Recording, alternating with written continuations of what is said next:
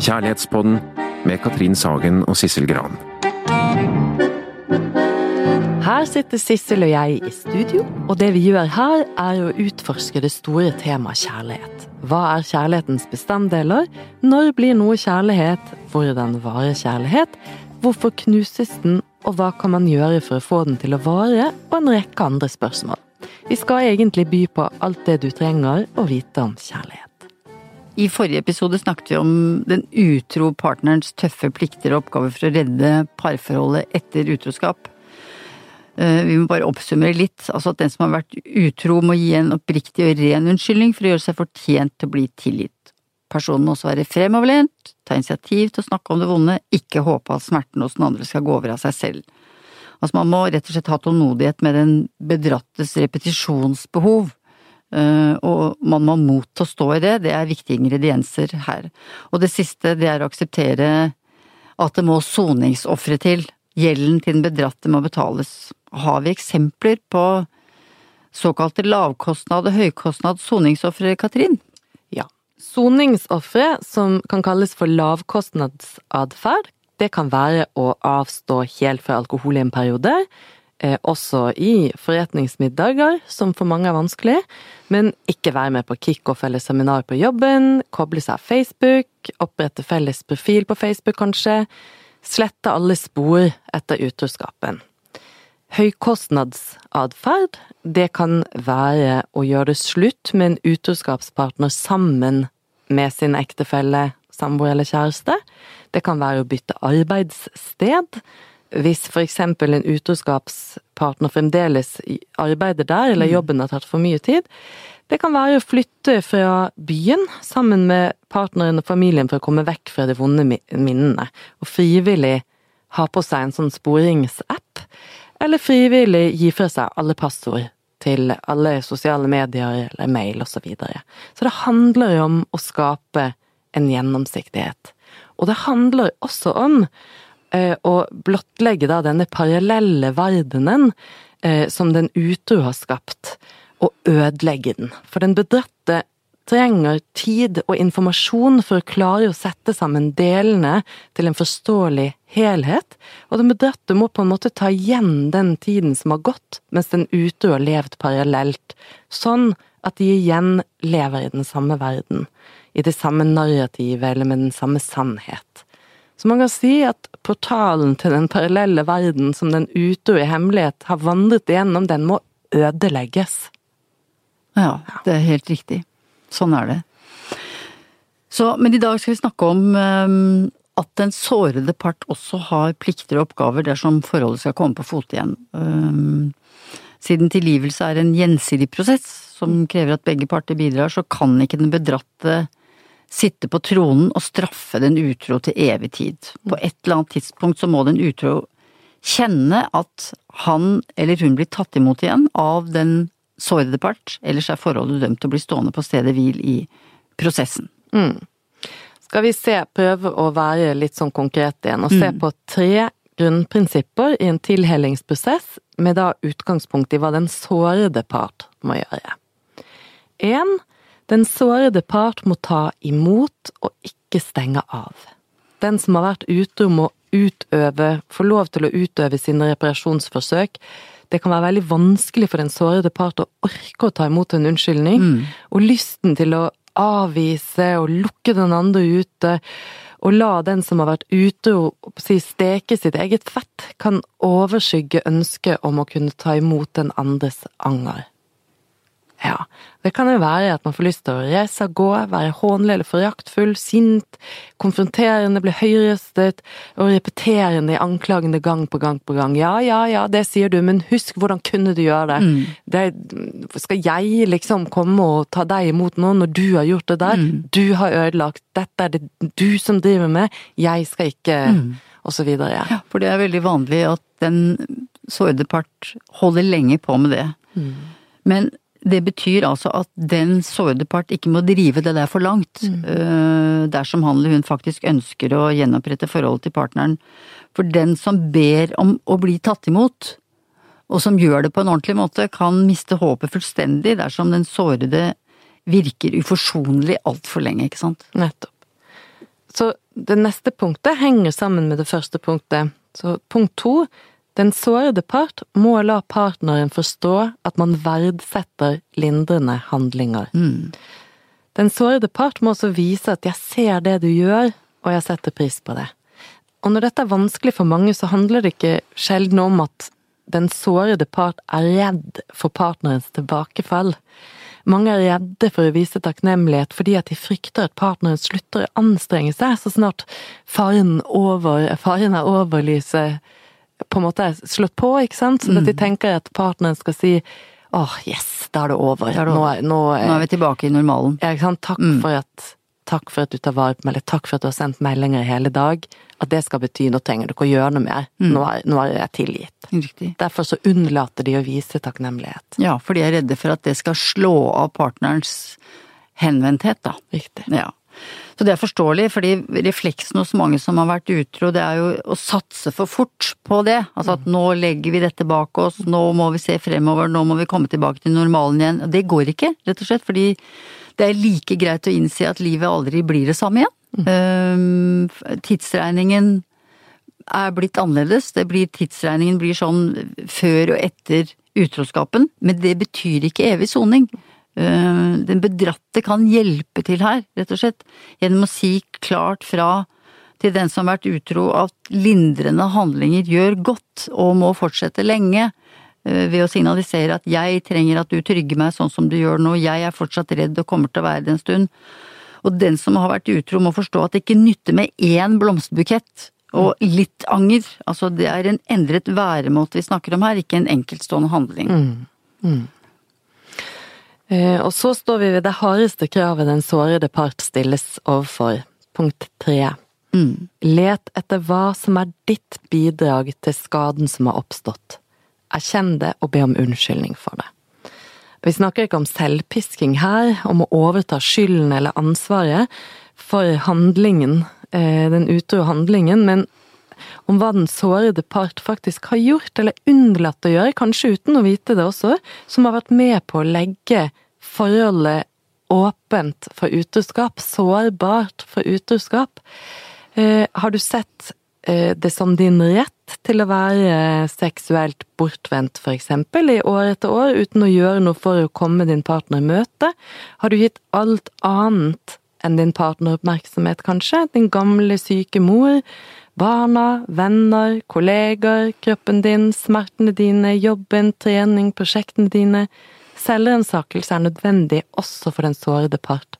For dette handler jo nettopp om å forstå mysteriet hvordan kunne dette skje?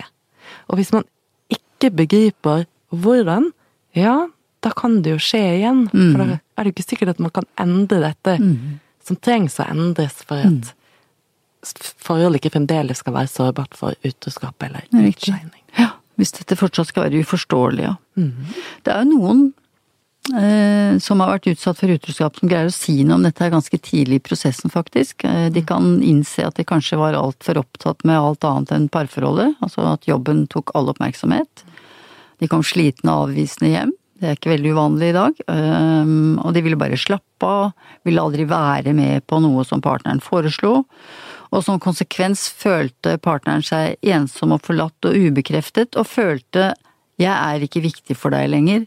Er du egentlig glad i meg lenger? Altså, som rett og slett førte til at partneren kom i veldig tvil om um, om uh, uh, 'er du her for meg'? Ja. Vi vet jo at emosjonell avstand og oppmerksomhetsunnvikelse er truende for moderne par. Da vokser de ut av relasjonen sin og henter bekreftelsene andre steder, for alle trenger å bli sett i denne verden, og alle trenger å føle at jeg er spesiell for min nærmeste. Hvis vi ikke ser og bekrefter hverandre, så bryter vi jo med kjærlighetens emosjonelle kontrakt, og de to paragrafene vi stadig kommer tilbake til her i Kjærlighetsboden. Én, hold meg og vær her for meg. Tilknytning. To, se meg og anerkjenn meg. Identitetsbekreftelse. Vi har jo våre faglige inspirasjonskilder, da, psykologene Sue Johnson og Les Greenberg og John Gottman. Og disse og mange andre terapeuter og forskere har jo dokumentert med, med all tydelighet at opptrevlingen av båndene i et parforhold starter med at den ene eller begge parter opplever at emosjonell støtte og oppmerksomhet eh, forsvinner. Sånn at fraværet av positive, fortrolige og støttende utvekslinger mellom to parter kan sammenlignes med et virus, sier eh, Sue Johnson. Et virus som bryter ned relasjonen. Og hun sier faktisk at, um, for dette vet vi jo noe om, eh, at de fleste affærer eh, handler ikke primært om sex. De handler mer om en sånn en sult etter kontakt, fordi at kontakten med partneren oppleves som svak. Mm. Esther Perel er en annen terapeut som har jobbet mye med utroskap, sier jo, sier jo det samme. Affærer handler mye mindre om sex enn vi er vant til å anta, og mye mer om det handler mye mer om det intense behovet for oppmerksomhet og behovet for å føle seg spesiell og betydningsfull og attraktiv. En affære er derfor ofte en indikasjon på et tilknytningsproblem i parforholdet, et symptom på ensomhet og frakobling, og på at man ikke føler seg begjært.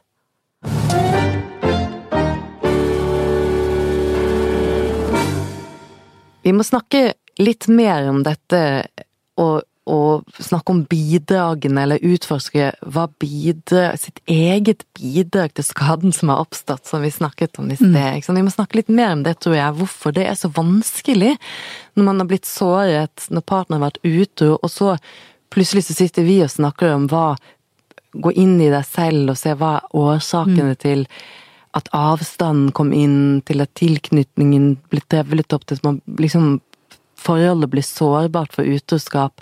Hvorfor er det så vanskelig for den som har såret? Og jeg tror det Altså, dette handler jo om at hvis man er med på å bære noe av skylden, så oppleves det som at man selv bærer tyngden av de mm. utro handlingene, og det ønsker vi jo ikke, for det er noe med at ansvaret for selve utroskapen eller handlingene må den som har vært utro selv alltid bære. Mm. Men ansvaret for årsakene, mm. det er mer felles. Ja. Sånn, så man kan jo si at på en måte er det litt teoretisk å tenke sånn at man kan ha den utro handlingen på den ene siden, og årsakene til handlingen på den andre siden at det er litt teoretisk, men samtidig så vet vi at når vi gjør nettopp dette, så oppleves det litt befriende. Litt mm. sånn klargjørende. Ja, riktig.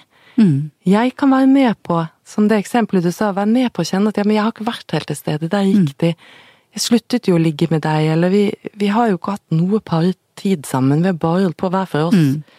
mm. det kan jeg være med på. Ja.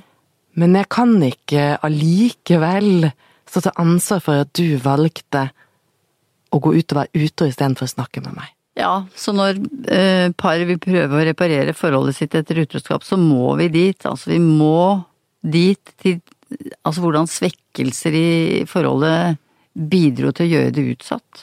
Mm.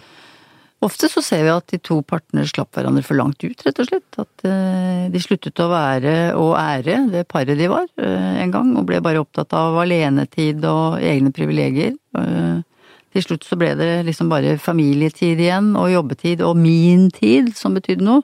Ikke lenger det store vi. Ja.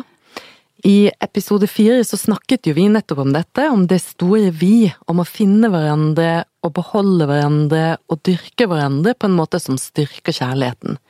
Og det er dette som har glippet for mange par, der en inntrenger slipper inn i forholdet, eh, og hvor avstand og ensomhetsfølelse er parforholdets fiende nummer én. Mm.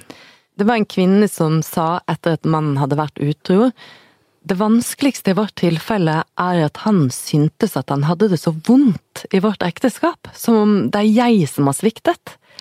Avstand er et ord han bruker for å beskrive forholdet vårt, og sviket hans blir forsterket for meg fordi at han forsvarer seg ved å angripe meg og vårt ekteskap. Hvordan skal vi bygge opp forholdet igjen når vår fortid tydeligvis har vært så vond for ham? Jeg vil ikke skilles, men jeg lurer på om det er håp for oss. Mm. Ja, det er vanskelig fordi hun, mm. hun føler seg Hun er jo den sårede part, mm. men hun føler seg anklaget som om utroskapen er hennes ansvar fordi avstanden i ekteskapet var stor, og mannen følte han hadde det så vondt. Mm. Mm. Så hun klarer ikke helt å gå inn og på en måte se på forholdet deres utenfra, eller litt i fugleperspektiv på en måte, eller metaperspektiv som vi, vi sier, uten å ta med denne handlingen hans. ikke sant? Så hun, hun føler at hun er berettiget til at det var sånn på en eller annen måte. Det føles så, så vondt, og at, hvor- hvorfor skal han ønske å være med meg hvis det var så utrolig stygt og vondt, vårt forhold? på en eller annen måte. Men det kan jo hende at han ikke har greid å vise henne at han virkelig angrer, vet du. At han ikke har gjort den jobben, altså at han ikke har greid å vise henne at han forstår hvor vondt dette har vært for henne. Men hvis han har gjort den jobben, eh, og hun fremdeles ikke makter å se Noe av sine bedre. ikke sant, hans situasjon og sin rolle, altså at hun har vært med på å være på en sånn måte at han opplevde ekteskapet som vondt, da er disse to på vei inn i ja, hva skal vi si, ja, det fastlåste. Inn i det fastlåste, rett og slett. For mange kan tenke seg, bare for å gå litt på det, hvordan det kunne hørtes ut. At han kunne eksempel sagt det er vanskelig for meg å, se at det har vært så vondt å leve sammen med meg. eh, uten at jeg føler at du kjefter på meg og straffer meg. Så det, det, jeg tenker hele tiden på at du har vært ute og at du kjefter på meg, så det er så vanskelig. Men jeg hører hva du sier. Hmm. Og at man da kunne tenke at da vil hun være med inn i forsoningen og begynne sitt arbeid. Ja. Prøve å utforske hva, hva er det du mener når du sier at det har vært så vondt. Ja. Har det vært så vondt? Har det alltid vært det? Nei, ikke alltid, men et eller annet sted skjedde. Og så går man denne reisen sammen på en måte Ja. tilbake i tid og ser ja, riktig, der skjedde det noe da vi fikk barn, riktig. Der glapp det. Mm, ja, for meg så ble det vanskelig da jeg var syk, du var ikke der, og så videre. Så Mm. kan man på en måte sammen nøste seg frem til hva er det det betyr når man sier at det var så vondt, vårt ekteskap var så vondt. Ja. Ja, ok. Ja, For det er jo veldig lite sannsynlig at han har hatt det vondt hele tiden. Det skjedde nok etter hvert, ja. Og disse vil jo da ikke skilles, men som du sier, hvis han har gjort sine soningsofre, og hun ikke er villig til å gjøre sin del av tilgivelsesarbeidet, da står de i fare for å bli fastlåst i noe hvis de ikke går fra hverandre. Det, det, det er det du sier. Ja, det er akkurat det. For det er jo mange som eh, ikke går fra hverandre, men eh, de lever i et uløst eh, Altså med et uløst parforholdstraume. Og det tenkte vi at vi skulle eh, ha et lite litterært eksempel på, rett og slett. Um, hvordan par kan leve bittert sammen. mm. I en sånn eh, tilstand altså hvor de kan leve uforsonte sammen. Altså hvordan traume da kan regjere i parforholdet. Det er en bok av en forfatter som heter Helene Uri, som heter Holke. Og der treffer vi et eldre ektepar, Ebba og Carl, som har vært gift i 46 år. Og Ebba har vært lektor, og Karl har vært ungdomsskolelærer. Og Ebba har aldri syntes at mannen har vært tilstrekkelig ambisiøs. Og det har hun sørget for å fortelle ham gang på gang i løpet av deres eh, forhold. Um, bokens tittel er egentlig et eh, symbol på forholdets tilstand, altså is og holke overalt. Og det er altså Situasjonen er sånn at ute da, så er fortauene islagte, ingen har strødd. Det skjer jo noen ganger i, i byer. Og selv med brodder er det livsfarlig å gå ut. Og det gjør at dette paret fanges i byleiligheten sin og kommer ikke ut på nærmere en uke. Og datteren Sofie er på ferie med barna sine. Hun pleier å handle for dem. Matforrådet minker, kaffen tar slutt, og de roter innerst i kjøleskapet og i, i skap for å finne eh, noe spiselig. For disse er gamle nå, ikke sant? Dette, dette er to gamle folk. Som, og Carl er en sånn type mann som vil være selvhjulpen. Det fins jo slike. Uh, så her skal det ikke ringes etter pizza, nei, eller brukes penger på drosje til butikken. Her skal det spises av forrådet. Og Carl har alltid vært en dominerende og oppfarende mann. Og i begynnelsen av boken så får vi inntrykk av at dette at han har vært svært voldelig, at hun har levd med kronisk mishandling, men det inntrykket fortar seg etter hvert. Vi skjønner etter hvert at han kun har slått hardt én gang, og det er i 1978. Og hvorfor? Jo, det er når han oppdager at Ebba har vært utro i ti måneder eh, med en ung lærer på høyskolen der hvor hun arbeider. Ebba kaller det året med Christian. Christian heter denne unge mannen. Og samtidig oppdager Carl at Ebba har løyet i årevis om hvorfor de ikke greier å få et barn nummer to. For Ebba har eh, tatt p-piller i skjul i åtte år og latt som hun har vært like oppgitt og lei seg hver måned eh, når hun har fått mensen. Så for Carl så er avsløringene både av utroskapen og løgnen om p-pillene traumatisk, men Ebba hjelper ham aldri med å lege det såret. Og det er slaget, det at han slår som kommer til å spille en slags hovedrolle i dette ekteskapet, og her skal vi høre fra en scene der maktkampen mellom dem utspilles for hundrede gang. Og det er Ola G. Furuseth som leser.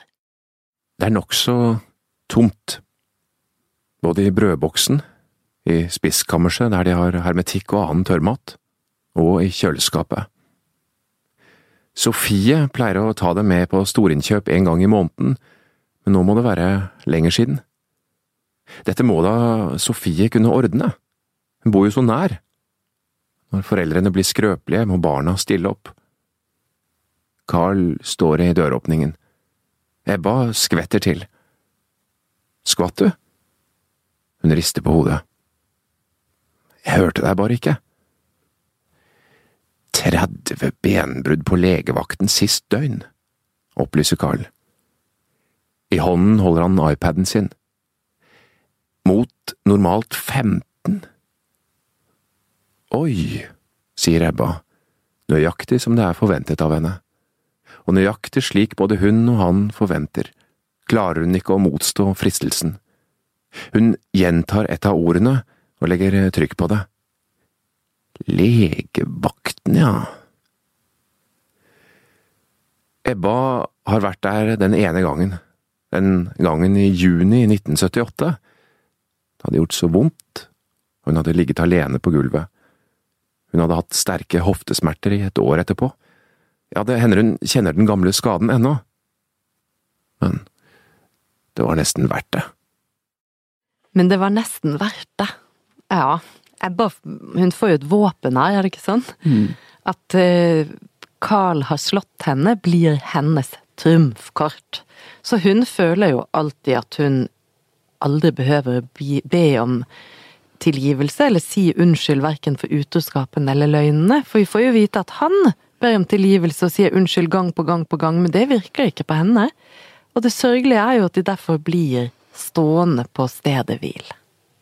Ja, det er nok sånn, altså. Det, begge disse to utsettes jo for et parforholdstraume den dagen i 1978. Altså Ja. fordi det å bli side Ja, ikke sant. For det, det å bli slått er jo traumatisk, og det å, å få opp, altså avslørt at ektefellen har vært utro i ti måneder og har løyet om p-pillebruk i åtte år, det er jo også traumatisk.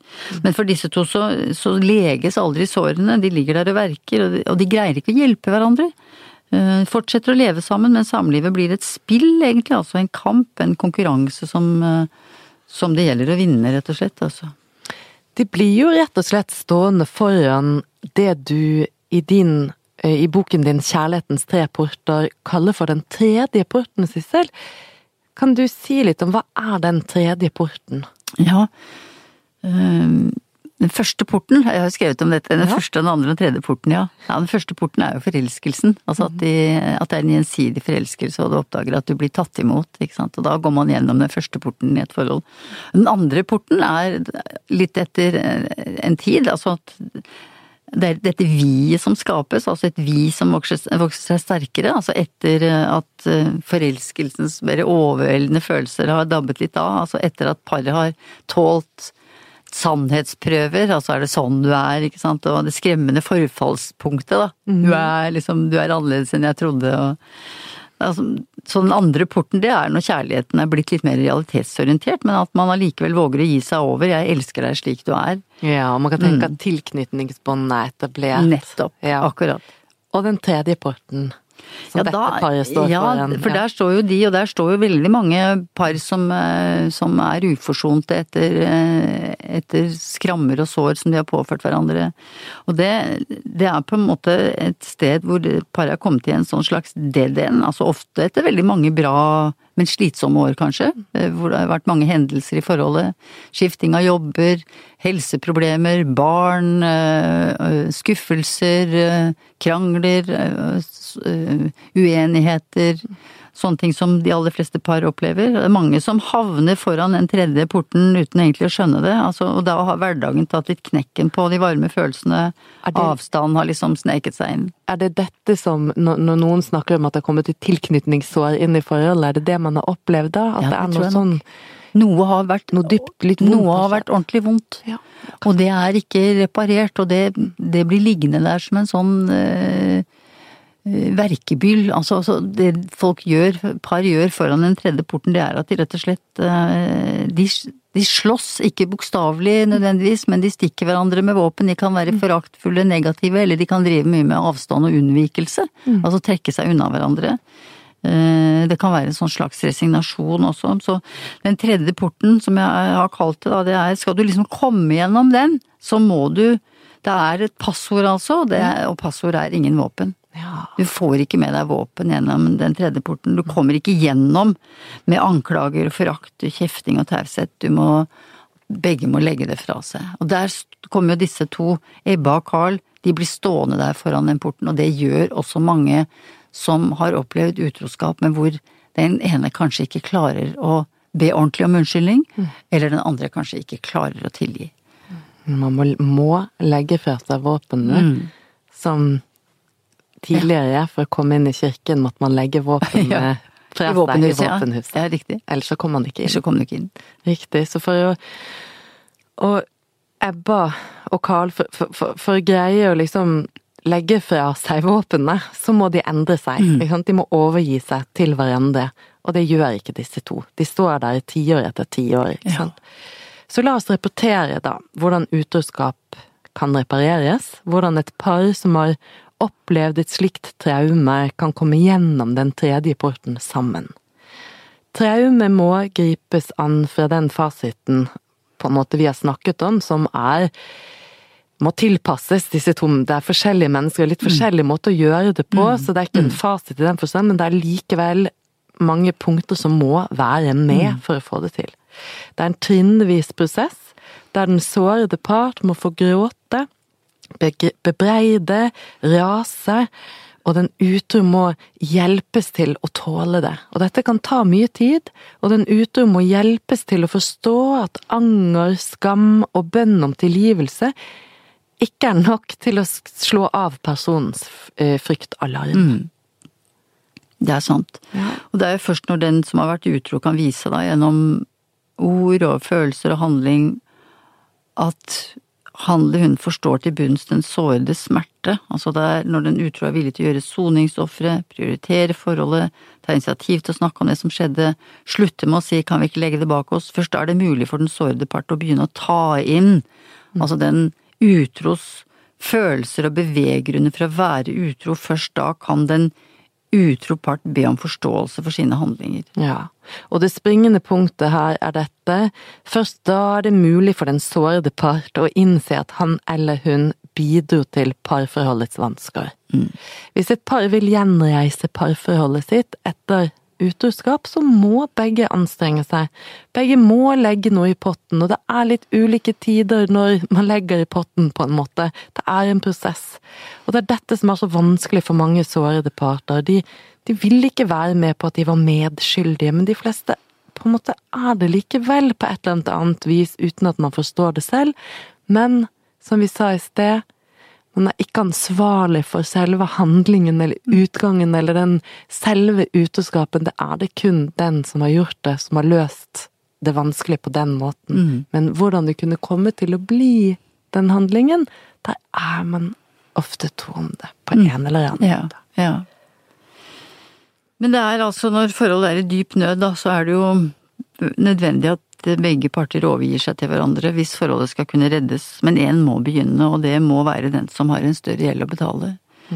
Um, så hvis eh, problemet som er oppe i dagen i et forhold er at For det er andre ting enn utroskap, ikke sant, som kan føles traumatiserende. At du har skjult viktige ting for partneren som angår begge, som kjøp og transaksjoner, lån, gjeld, eller at du har vært utro. At du har sviktet den andre i nødens stund, det er også et, et traume for mange. at du har ignorert den andres bønn om å bli sett og hørt. Hvis du har vært likegyldig, bortvendt, foraktfull, nedvurderende, kritisk eller full eller voldelig, da er det én ting du må gjøre, det er å lene seg frem hvis man vil bli tilgitt, og være den som starter tilhellingsprosessen ved å erkjenne at ja, jeg har sviktet deg, og jeg ber ydmykt om unnskyldning. Det snakket vi mer om i den forrige episoden, hvordan dette kan se ut og hva som må med. Ja. Så disse to episodene, denne vi snakker, eller denne vi er i nå, og den forrige, de henger veldig sammen. Ja. Det handler om hvordan tilhelingsprosessen foregår. Ja, at det er oppgaver for den som har vært utro, men det er også oppgaver for den som er blitt dypt såret. Ja. Begge to må bidra hvis de ønsker at parforholdet deres skal fortsette inn i fremtiden. Så er det viktig å understreke at dette er en litt møysommelig prosess, men det er li- allikevel litt ulikt hvor, hvor lang tid man bruker på det. Det avhenger litt av eh, hvor trygt parforholdet er, og hvor dyp krenkelsen er, og hvor gode man er på å se hverandre underveis, eksempel, og litt andre ting også. Men eh, det vi ser, er denne prosessen er litt sånn Oppleves litt at den går i bølgetak, hvor vondt det gjør. Plutselig så er det kjempefint, og man er veldig nær, og kanskje kjærligheten er sterkere enn noen gang, og så slår smerten i bakhodet, og så er det grusomt og helt forferdelig, utrolig skremmende. Og så er det litt, får man puste litt igjen, og så går det sånne bølger. Ja. Smerten kommer i bølger. Det er også noe som kjennetegner dette, at det er en prosess. Ja. Litt frem, litt tilbake. Langt frem, langt tilbake. Og så riktig.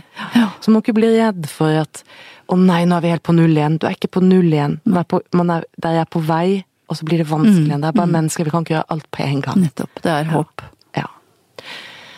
Ok, så da er vi til ende med denne episoden, eh, og neste gang så er vi fremdeles i dette temaet utroskap, for vi er nødt til å snakke om tredjeparten.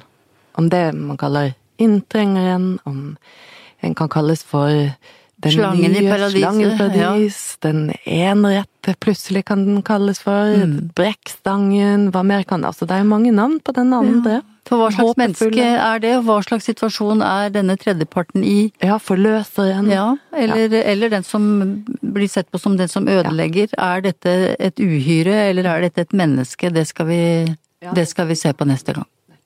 Så takk for at du har hørt på oss i dag.